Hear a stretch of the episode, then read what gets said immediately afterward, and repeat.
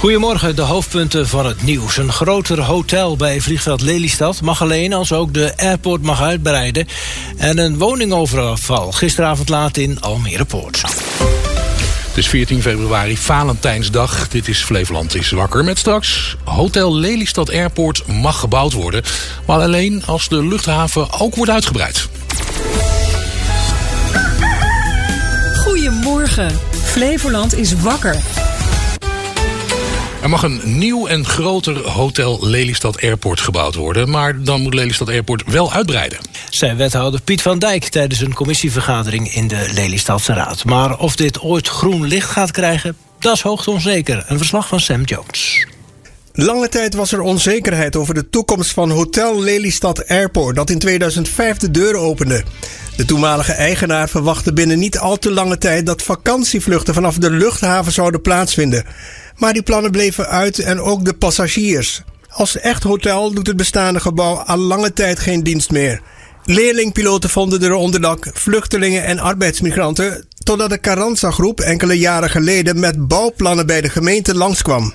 Gisteravond kregen ze groen licht van wethouder Van Dijk. Er is een besluit genomen. Eh, er mag een hotel, maar niet uh, voordat besloten is dat de luchthaven ook uitgebreid wordt. Is dat niet een beetje makkelijk, want die luchthaven die komt er voorlopig niet?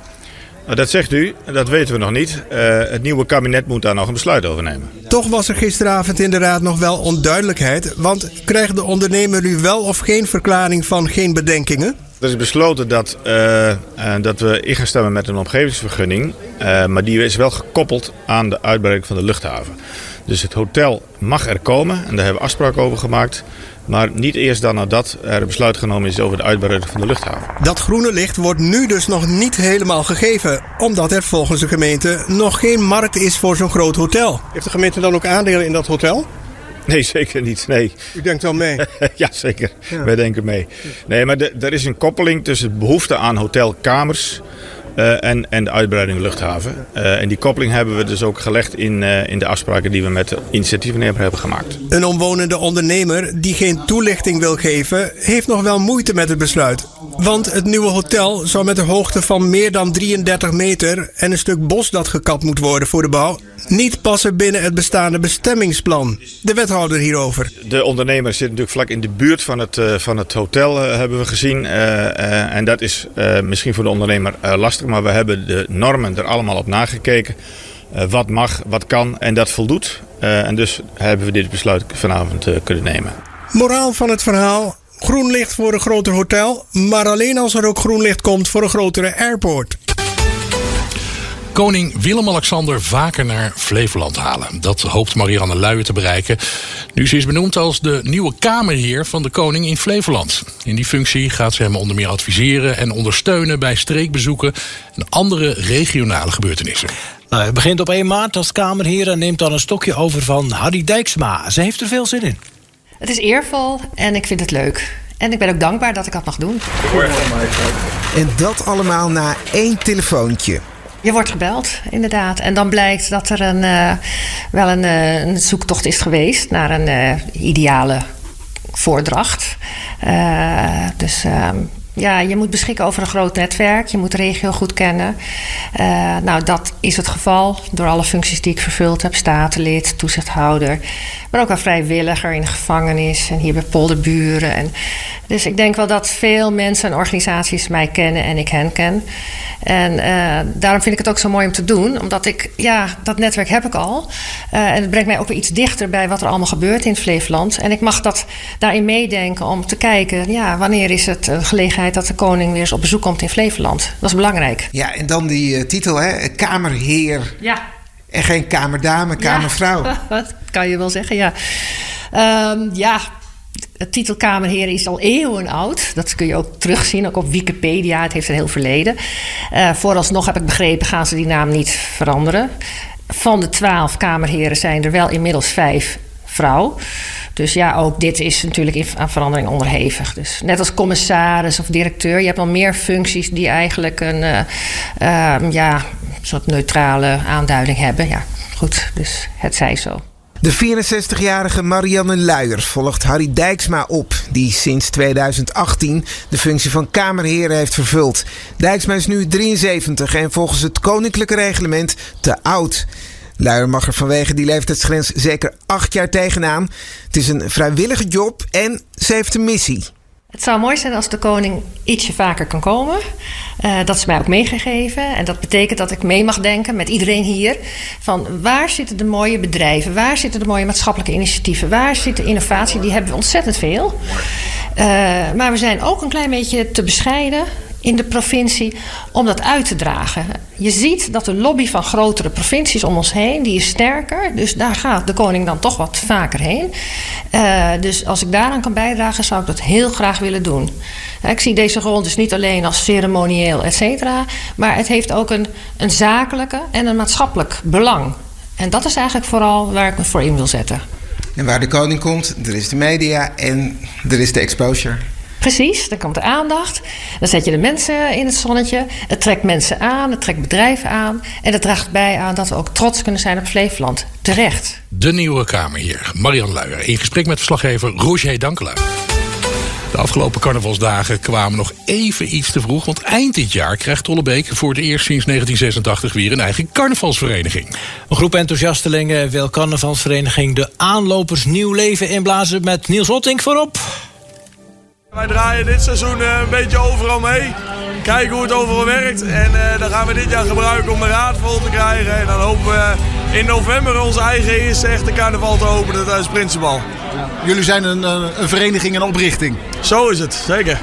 En dat zijn jullie de aanlopers. Waarom de aanlopers? Ja, zo heten ze vroeger al. En hoe dat nou precies gekomen is, die naam, dat weten wij zelf eigenlijk ook niet.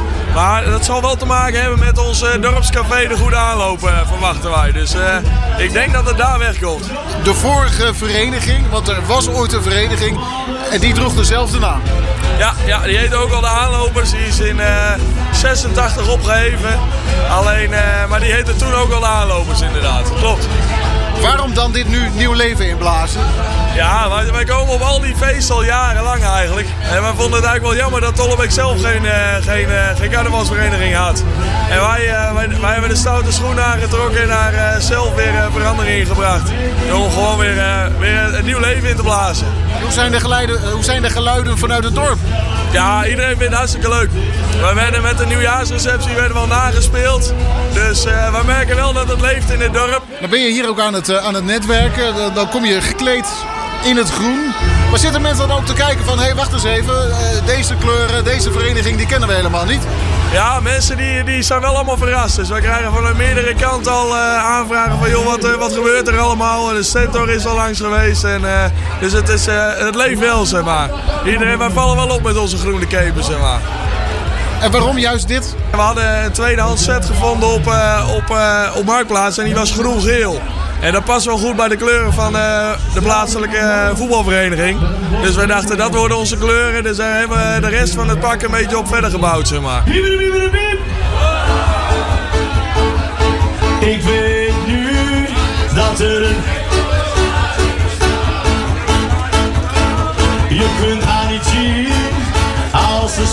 zachtjes tegen je praat.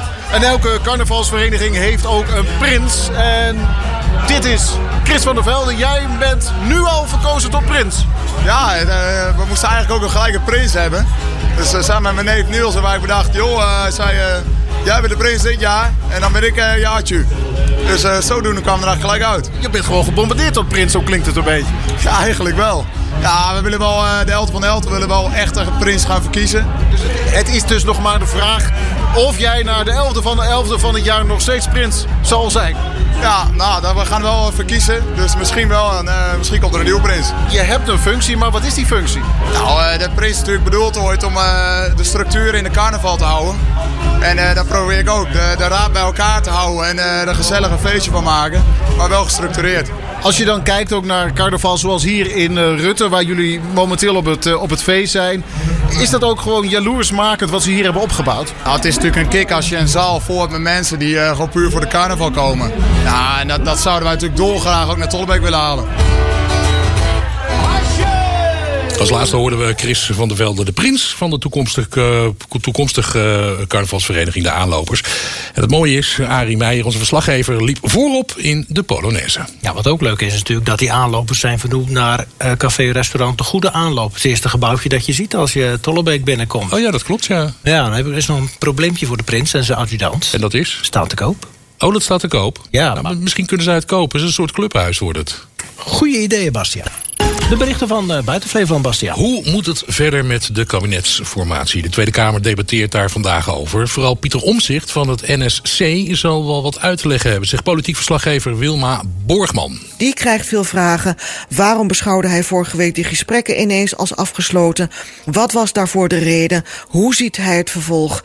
En dan komt er in, uh, in de tweede ronde een motie uh, voor het vervolg. Ja, PVV-leider Wilders komt dan met een voorstel voor een nieuwe informateur die de formatie moet vlot trekken.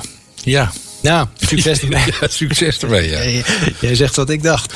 Carnaval, dat zit er weer op. Gisteren was het de laatste dag. In Schaik in Brabant zijn traditioneel de praalwagens dan gesloopt. En dat is voor de bouwers toch wel wat moeilijk om aan te zien. Het doet, uh, doet, ja, het doet uiteindelijk toch wel pijn. Als je hier staat, je ziet wat er staat, doet het per definitie pijn om er afscheid van te nemen. Ja, zonde. Nou ja, frustratie. Het gaat er allemaal uit, kei mooi. Ja. Maar uh, het zit er weer op. Hoeveel uren zitten erin? Drie maanden. En dan nu in één keer weg? Weg, ja. Maar het is niet weg. Het gevoel blijft. En de foto's heb je natuurlijk ook nog. Sommige wagenbouwers die willen er liever niet bij zijn bij dat slopen. Die vinden het te pijnlijk om te zien hoe al dat werk wordt afgebroken. In Indonesië zijn de stembureaus open. Er wordt daar een nieuwe president gekozen. De verkiezingen, zijn in, eh, sorry, de verkiezingen in Indonesië die zijn een hele klus. Want er zijn 820.000 stembureaus verspreid over 6.000 eilanden. Zegt correspondent Mustafa Markadi. Op veel van die eilanden zijn vulkanen te vinden of jungle. En uh, alle mensen die daar dorpjes tegenaan of in hebben gebouwd... die verdienen het ook om te stemmen. Dus daar moeten stembussen naartoe. Dat gebeurt met vliegtuigjes, dat gebeurt met uh, kuddes paden... Uh, het is dus inderdaad een enorme logistieke organisatie, deze verkiezing. De grootste eendaagse verkiezing op aarde is dit trouwens. Ja, wist je dat ze daar 700 verschillende talen hebben in Indonesië? Komt er ook nog eens bij. 200 miljoen mensen. Zoals het er nu naar uitziet, maakt de huidige minister van Defensie... Subiato de meeste kans. Um, een kandidaat moet meer dan 50% van de stemmen halen om president te worden. En als dat niet lukt, dan volgt er een tweede ronde. Ja, net als in Frankrijk. En dan naar Groningen. Omwonenden dachten eindelijk verlost te worden van de gehate ringweg in de stad Groningen. Maar nu blijft een 30 meter lang deel van een viaduct staan. Als kunstwerk. Buurtbewoners zitten niet zo te wachten op dat betonnen ding. Ik had liever groen. Ja, doe maar een paar bomen. Ja, en het groen wat er op het dakje ligt, graag gewoon op de grond. Monument, dat snap ik nog. Ook van de ringweg, eventueel. Maar niet zo'n grote, kolossale kolom, zeg maar ik vind de verwijzing vooral, hè, daar gaat het ook nog om, naar iets waar de buurt jarenlang echt overlast van heeft ervaren, vind ik ja, vind ik smakeloos. Een petitie tegen de plannen is al zo'n duizend keer ondertekend in de gemeenteraad van Groningen. Gaan stemmen op om samen met de bewoners te kijken naar iets anders. Wat weet jij over Flevoland? Test je kennis met onze quizzen op Instagram. En je blijft ook nog eens op de hoogte van het laatste nieuws en bijzondere verhalen uit de provincie. Volg ons op Instagram via Omroep Flevoland.